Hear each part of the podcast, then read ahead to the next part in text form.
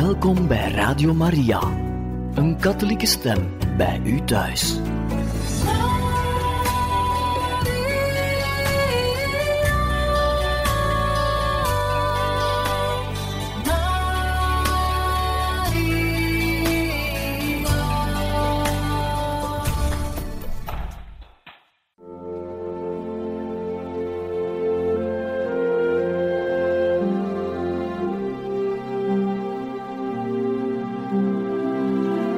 Beste luisteraars van Radio Maria, welkom bij het programma Catechismus.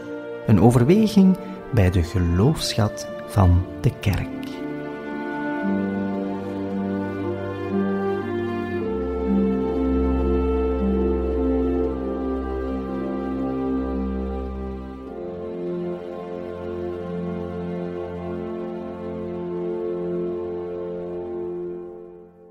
Welkom, beste luisteraars, in het programma Catechismus, waarin u vandaag verder kan luisteren naar een catechese-reeks gebracht door Pater Michel Copin over zending vanuit de Heilige Schrift. Bij Matthäus lezen wij het volgende. Jezus was op weg naar Jeruzalem. Toen hij met de twaalf leerlingen alleen was, zei hij: We zijn op weg naar Jeruzalem. Daar zal de mensenzoon uitgeleverd worden aan de priesters en wetsleraren. Zij zullen besluiten dat hij gedood moet worden. Ze zullen hem uitleveren aan de ongelovigen. Die zullen hem bespotten en hem met de zweep slaan. Daarna zullen ze hem aan het kruis hangen. Maar drie dagen later zal hij opstaan uit de dood. En zo kwamen Jezus en de leerlingen in de buurt van Jeruzalem. Ze waren vlak bij het dorp Betfage, bij de Olijfberg. En daar stuurde Jezus twee leerlingen vooruit. Hij zei tegen hen: Ga naar dat dorp daar. Jullie zullen daar meteen twee ezels zien, een moeder met haar jong. Ze staan vastgebonden. Maak ze los en breng ze bij mij. Misschien vraagt er iemand wat jullie daar doen. Zeg dan: De Heer heeft deze ezels nodig. Dan zullen ze de ezels meteen aan jullie meegeven. Dat moest zo gebeuren, want een van de profeten heeft gezegd: Luister, inwoners van Jeruzalem, jullie koning komt eraan. Hij is vriendelijk, hij rijdt op een ezelin en haar jong.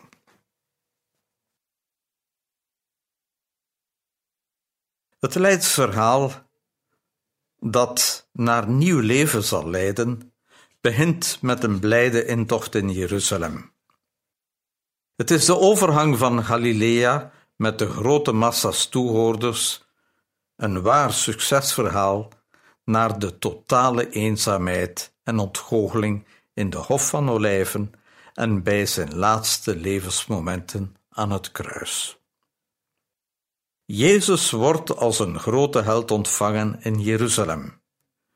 Men heeft gemerkt dat hij een sterke boodschap heeft, die mensen weet te inspireren.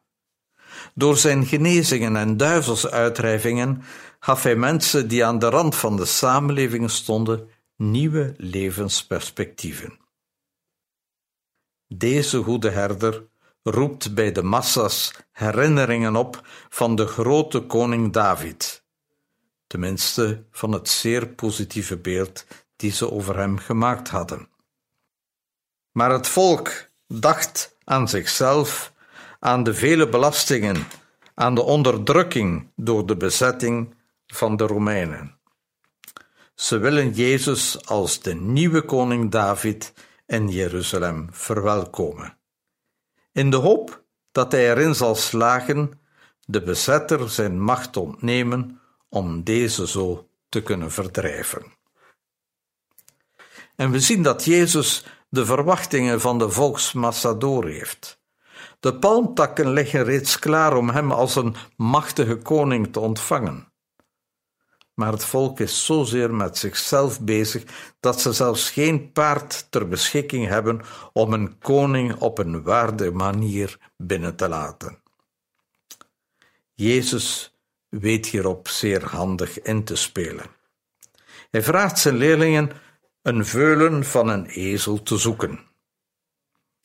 Gezeten op die ezelin met haar veulen doet hij zijn blijde intocht in Jeruzalem. Door deze symbolische handeling probeert hij de massa's aan het denken te zetten. Hij zit niet op een mooi groot paard die door zijn statigheid zijn macht weet uit te stralen. Hij neemt daarentegen een ezel, een dier dat slechts goed is om lasten te vervoeren en dan nog wel een kleine ezel, het nieuwe jonge leven. De kleine ezel zal uiteindelijk alle lasten van alle onbarmhartige religieuze regels wegvoeren, zodat er plaats komt voor een vreugdevolle liefdesband met de Vader. Hiertoe werd Jezus door zijn Vader gezonden. We zien het verder bij Matthäus dat de twee leerlingen naar het dorp gingen. Ze deden wat Jezus gezegd had. Ze brachten hem de ezelin en haar jong. Ze legden jassen op de rug van de ezels en Jezus ging erop zitten. Veel mensen legden hun jas op de weg. Anderen haalden takken van de bomen en legden die op de weg. Ze liepen voor Jezus uit en achter hem aan, en ze riepen: Alle eer aan God. Leve de zoon van David. Leve de man die door God gestuurd is. Alle eer aan God in de hemel. Zo kwam Jezus in Jeruzalem aan. Iedereen in de stad praatte erover en de mensen vroegen zich af: wie is die man? De mensen die met Jezus meegegaan waren, zeiden: Dat is Jezus, de profeet uit Nazareth en Galilea. We zien dus dat Jezus eigenlijk een loopje neemt met de verwachtingen van de mensen. Mensen zien in hem een bevrijdingsstrijder, die hen zal bevrijden van het moeilijke, lastige, zware juk van de Romeinen. Maar Jezus, door op een ezel te kruipen, is als het ware aan spotten met het beeld. Hij is niet degene die op zoek is naar macht. Hij is niet de politieke leider. Hij is een spirituele leider die enkel de liefde van zijn vader tot de mensen wil brengen en daarvoor tot het uiterste wil gaan. Eens in Jeruzalem komt er de confrontatie van Jezus met de Joodse religieuze leiders. Het wordt de confrontatie van twee soorten religies. Deze van de vele regeltjes en privileges voor de leiders. Deze van het offer brengen, offers brengen in de tempel, om op die manier God te behagen. En daarentegen deze van de liefde en dienstbaarheid van God voor mensen, tussen mensen en ook naar God toe, zonder leiders met privileges, leiders of met voorbeelden veeleer van dienstbaarheid. Deze nieuwe religie wil Jezus in een reeks redenvoeringen nog maar eens goed bij zijn leerlingen inplanten. Het is voor hem duidelijk: de confrontatie zal uiteindelijk leiden tot de gevangenneming. Hij probeert zich nog overal te verbergen, zeker s'avonds, zodat ze hem niet kunnen gevangen nemen en zodat hij ook in de hoofdstad, in de religieuze hoofdstad van Israël, in Jeruzalem, zijn boodschap kan verkondigen en de mensen ook enthousiast kan maken voor de religie die waartoe hij gezonden wordt om deze bij de mensen ook in het zuiden, in Jeruzalem, in Juda te brengen.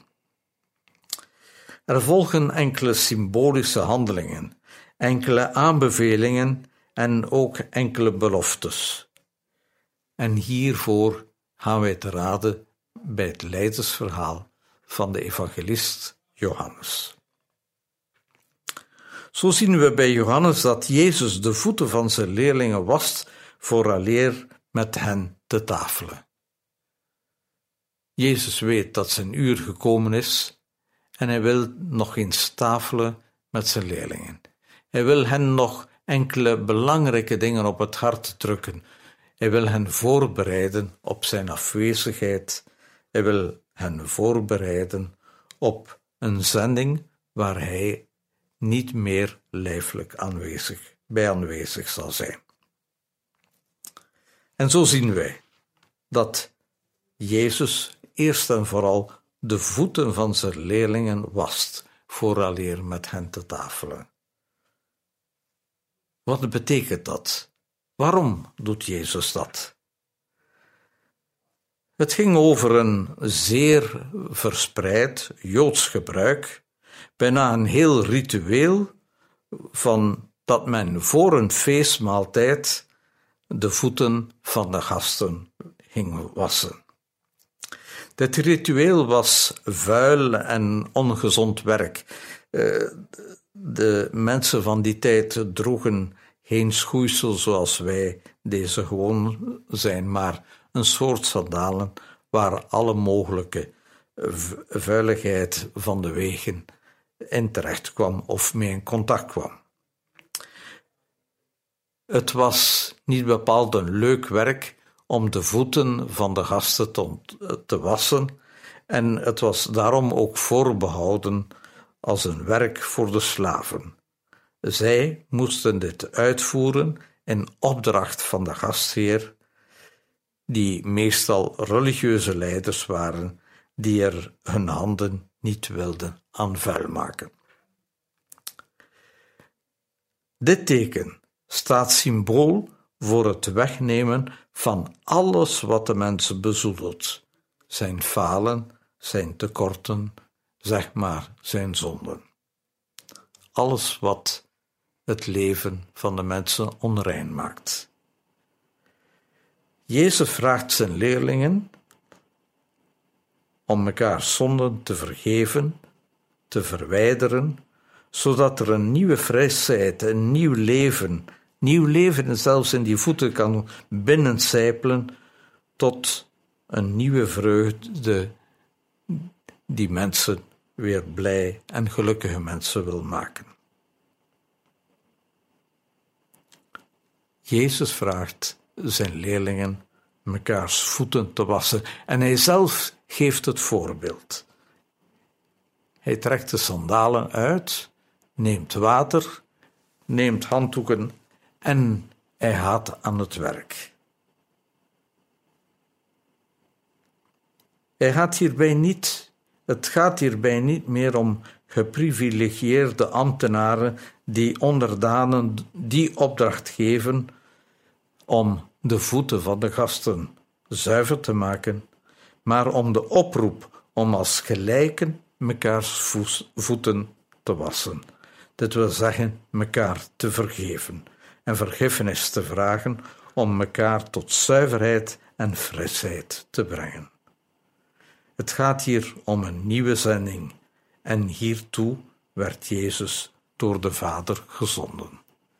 Hij is gezonden om het onreine weer rein te maken, om datgene, het onreine die de oorzaak van is dat mensen uit de samenleving uitgesloten worden, hen weer bij de, mensen in de gemeenschap samen te brengen. Luisteren we naar een stukje evangelie van Johannes, waarin Jezus het voorbeeld geeft aan zijn leerlingen om hen om de voeten te wassen.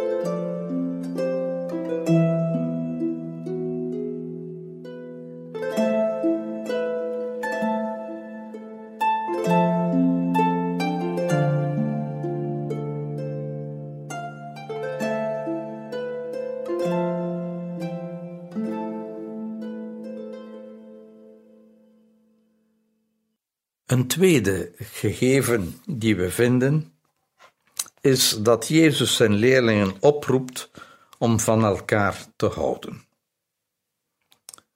In het dertiende hoofdstuk van Johannes vinden wij het heel duidelijk. Daar zegt Jezus tegen zijn leerlingen: Ik geef jullie een nieuwe regel. Houd van elkaar. Jullie moeten zo van elkaar houden als ik van jullie gehouden heb. Dan zal iedereen kunnen zien dat jullie mijn leerlingen zijn. Ook dit is een wezenlijk punt in de zendingsboodschap van Jezus tot zijn leerlingen. In de zendingsboodschap van zijn nieuwe religie, die een religie van liefde moet zijn. Het belangrijkste is van elkaar houden, zoals God van de mens houdt, zoals God van zijn zoon Jezus Christus houdt, zo worden de leerlingen van Jezus uitgenodigd om tastbaar, voelbaar van elkaar te houden en deze liefde aan mensen door te geven. Een voorbeeld te geven, zodat mensen alle schrik en alle angsten kunnen overwinnen om van elkaar te houden en elkaar hun liefde te betonen. Wanneer mensen van elkaar houden, is er geen heer en meester of slaaf meer. Het gaat over gelijken die in de naam van hun vader kind van God zijn en als kind van God de liefde voor elkaar, zoals ze die van bij het begin van hun leven van de Vader ontvangen hebben, willen doorgeven. Vervolgens zien we dat Jezus de leerlingen uitnodigt om moeite te doen om Hem nog beter te kennen, om Zijn zending steeds beter te verstaan, om zo de Vader en de zending die Hij aan Zijn Zoon geeft of gaf, beter te kennen. Die zending van de Vader moet dan ook hun zending worden. Zij moeten, als het ware, oog hebben of zich het leven van Jezus herinneren, de woorden die hij heeft uitgesproken, de daden die hij gesteld heeft om zieken en psychisch mensen die psychisch gebukt gingen onder een ziekte te helen. Wanneer de leerlingen zich het leven van Jezus eigen maken, zullen ze er ook toe komen om een groter geloof te hebben. Een geloof dat wonderen verricht. Een geloof dat mensen weer optilt vanuit een zondig bestaan, vanuit hun uitgesloten zijn naar nieuw leven. Naast een reeks van andere raadgevingen maakt Jezus de leerlingen duidelijk dat hun zending geen roos zal zijn zonder doornen. Ze zullen gehaat worden en moeten lijden. De zending van Jezus en de zoek van de leerlingen is er een van confrontatie. Het is er een van geen nieuwe wijn in oude zakken, maar van nieuwe wijn in nieuwe zakken. Die vernieuwingen zullen de moeilijk veranderbare religieuze tradities, waar mensen bijna dwangmatig zich aan vastklampen, moeilijk aanvaardbaar maken en ze zullen bovendien voor de privileges behepte, op privileges behefte, behepte religieuze leiders als bedreigend overkomen. Dit wil zeggen dat de leerlingen van Jezus zware tegenkantingen mogen verwachten. Maar uiteindelijk zal deze nieuwe religie leiden naar nieuw leven, naar een nieuwe energie, naar nieuwe vreugde. Het wordt dus geen gemakkelijk leven voor de leerlingen van Jezus. Zij zullen zich moeten waarmaken in een samenleving binnen een religieuze meerderheid die hen vijandig gezind zal zijn, die niet overweg zullen kunnen met het nieuwe dat zij willen brengen, het vernieuwende, het levengevende dat zij aan mensen willen doorgeven. Mensen geraken soms moeilijk los van tradities, van gewoontes, van zaken die voor hen heilig zijn en waarbij ze nooit vragen stellen, terwijl het soms dingen zijn die hen verdrukken, die hen verpletteren, die hen het leven ontnemen. Het is pas in de confrontatie met de nieuwe boodschap, het vernieuwde, het frisse van Jezus, dat men misschien energie en moed kan vinden om bepaalde, weinig zeggende, levensloze gebruiken achter zich te laten. Om dit onheil aan te kunnen, dat onheil en de discussies en de confrontaties die de leerlingen zullen moeten aangaan met de gezagsdragers van de Joodse religie, om dat onheil aan te kunnen, om te zien wat wezenlijk is in de boodschap van Jezus, zal de Vader de leerlingen zijn geest zenden. Het is de belofte die Jezus maakt aan zijn leerlingen.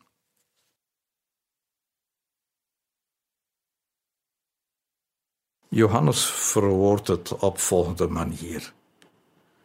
Als jullie van mij houden, leef dan volgens mijn regels. En ik zal de Vader vragen om jullie een nieuwe helper te geven, de Heilige Geest. Die zal voor altijd bij jullie zijn. Door hem zullen jullie de waarheid kennen. De mensen van deze wereld horen niet bij mij. Zij kunnen de Heilige Geest niet krijgen, want ze zien Hem niet en ze kennen Hem niet. Maar jullie kennen Hem wel. Hij zal bij jullie blijven en in jullie zijn. Je houdt van mij als je volgens mijn regels leeft. En als je van mij houdt, dan houdt de Vader van jou. En ook ik zal van je houden en je laten zien wie ik echt ben. De zending van de leerlingen is een zending die uitgaat van de geest van de Vader. Zij worden uitgenodigd om die geest werkelijkheid te laten worden, om die geest van liefde, van onvoorwaardelijke liefde van de Vader tot de mens tot uitdrukking te brengen.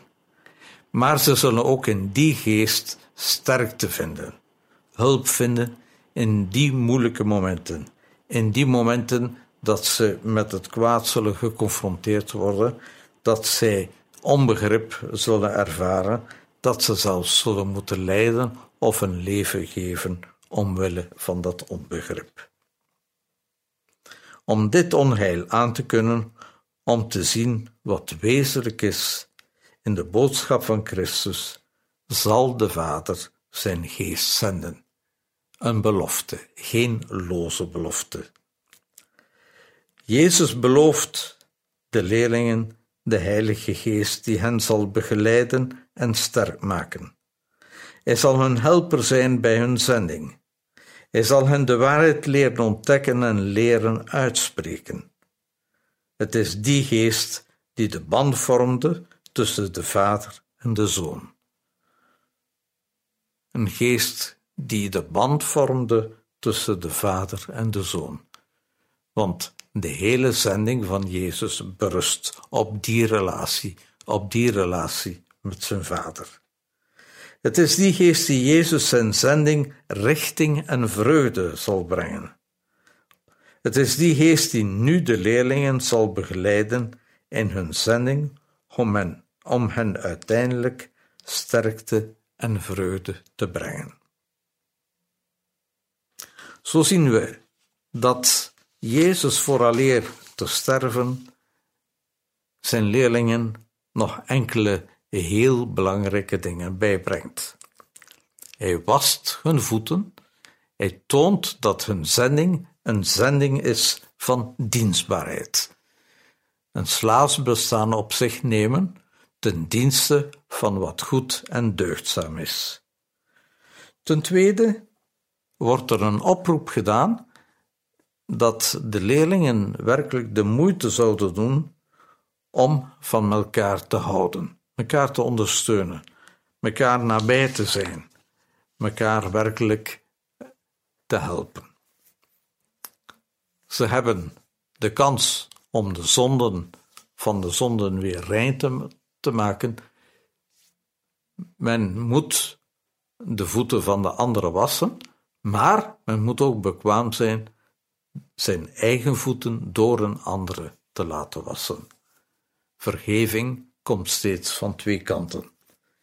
Wanneer er vergiffenis is, is er weer liefde, is er weer genegenheid, is er weer aandacht voor elkaar.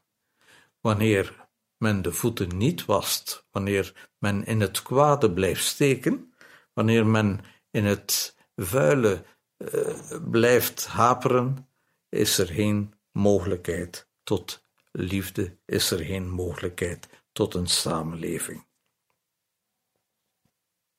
Bovendien krijgen de leerlingen nog de duidelijke oproep om Jezus nog beter te leren kennen, om het wezenlijke van de woorden die hij uitgesproken heeft te overdenken, te herhalen, door te geven aan anderen, en ook om zijn daden die hij heeft vervuld in het begeleiden en het nieuw leven geven aan zieken en kreupelen, aan zij die door een geest bezeten waren, aan zij die daardoor uit de boot gevallen waren, om dat voorbeeld in woord en vooral in daad weer ervaarbaar te maken voor anderen, voor mensen die daardoor weer tot nieuw leven kunnen komen. En zo zien we dat Jezus een reeks symbolen, maar ook een reeks raadgeving meegeeft, waarmee de leerlingen kunnen werken. Dingen die ze zullen moeten overdenken wanneer ze hun eigen zending vervullen. Eigen zending wil zeggen een zending die ze toch van de Vader hebben ontvangen en waarvoor ze kiezen om deze aan anderen door te geven. Heel dat gebeuren zal ervoor zorgen dat conflict situaties zullen ontstaan.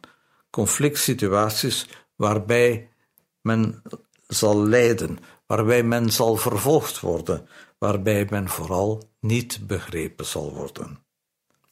En om deze momenten te, te overwinnen, om deze te, te boven te komen, krijgen de leerlingen van Jezus een wezenlijke belofte. De geest van de Vader, die de geest is die tussen de Vader en de Zoon leeft, de geest waaruit Jezus zijn eigen zending heeft eh, leren ontdekken en leren gestalte geven, die geest zal hen tot helper, tot steun, tot licht, tot richting gegeven worden. Zij zullen niet alleen zijn, de geest van de Vader, de geest van Jezus zal hen bij hun zending begeleiden. Ook voor ons mag dit een troost zijn dat wij in onze zending als christenen ons niet alleen moeten voelen. De geest van God zal ons begeleiden, begeleidt ons dag na dag. Beste luisteraars, dat was een eerste bijdrage van hoe binnen het leidersverhaal, het perspectief van het leidersverhaal, hoe dat Jezus daar zijn zending duidelijk maakt. Duidelijk maakt aan de leerlingen in dit geval. En we zullen zien in een volgende etappe hoe dat hij dat zal duidelijk maken tijdens het laatste avondmaal, maar ook aan de hoge priesters, aan de politieke leiders zoals koning Herodes en, en Pontius Pilatus, en hoe hij van daaruit zijn leven zal, zal geven. Met het nodige lijden, het nodige verdriet. Het lijkt dat alles verloren zal gaan van waartoe hij gezonden is, maar waar hij vertrouwenvol zijn leven zal leggen in de handen van zijn Vader. God, iedere dag moet ik laten voorbijgaan zonder dat ik kan doen wat ik eigenlijk had willen doen. Zo sterf ik een beetje iedere dag. Toch ben ik gemaakt uit al die dagen die zijn voorbijgegaan. U liet mij leven met goede en kwade dagen, en ik ben iemand geworden die voor u tenminste de moeite waard is. Uit wat is voorbij gegaan, besta ik nu. Ben ik gemaakt, ga ik voortleven, voor u mensen, voor u. Beste luisteraars, ik dank u voor jullie aandacht, voor jullie meegaan in het zoeken hoe dat Jezus zijn zending voor ons heeft volbracht, hoe dat hij getuigenis heeft gegeven van de zending die hij van de Vader heeft gegeven, gekregen en die hij via zijn geest aan zijn leerlingen verder blijft doorgeven. Dank u.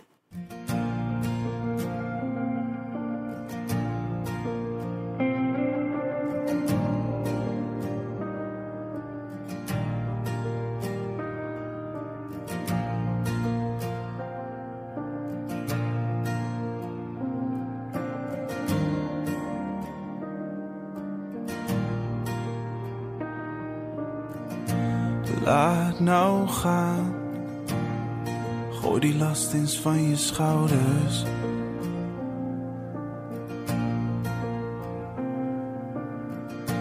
Laat nou gaan. Want het helpt je nergens heen.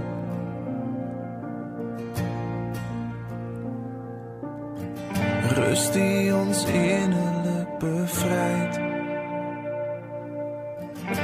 altijd maar voortdurende strijd. Het is binnen ons bereik, omdat zijn armen werden gespreid op het kruis. Op het kruis. op het kruis.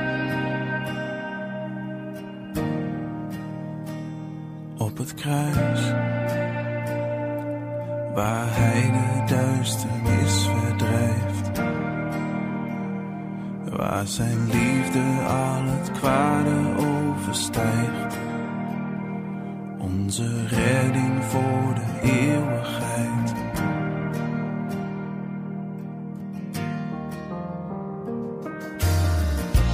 Kom nou hier, blijf niet tobben in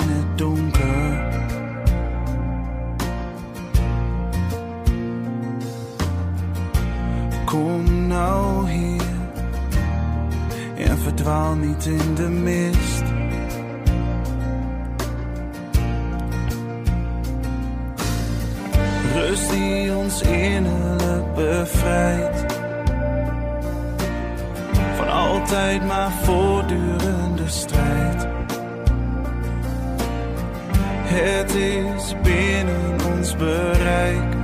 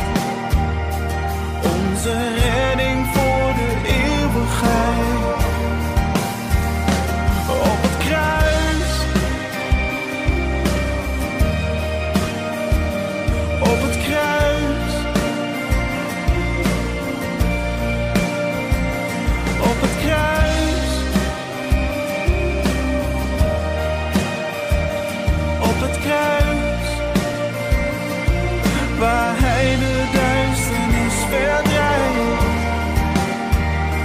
Waar zijn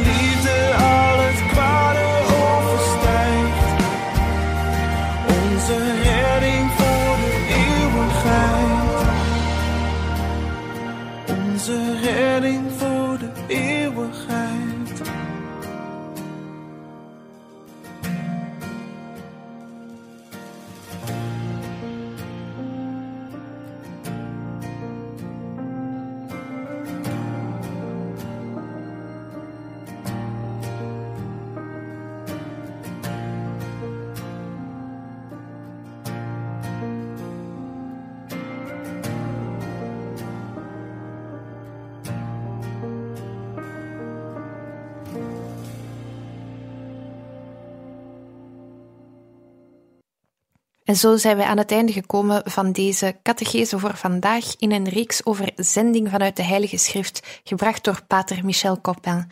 U kan deze en alle andere uitzendingen herbeluisteren op onze website radiomaria.be.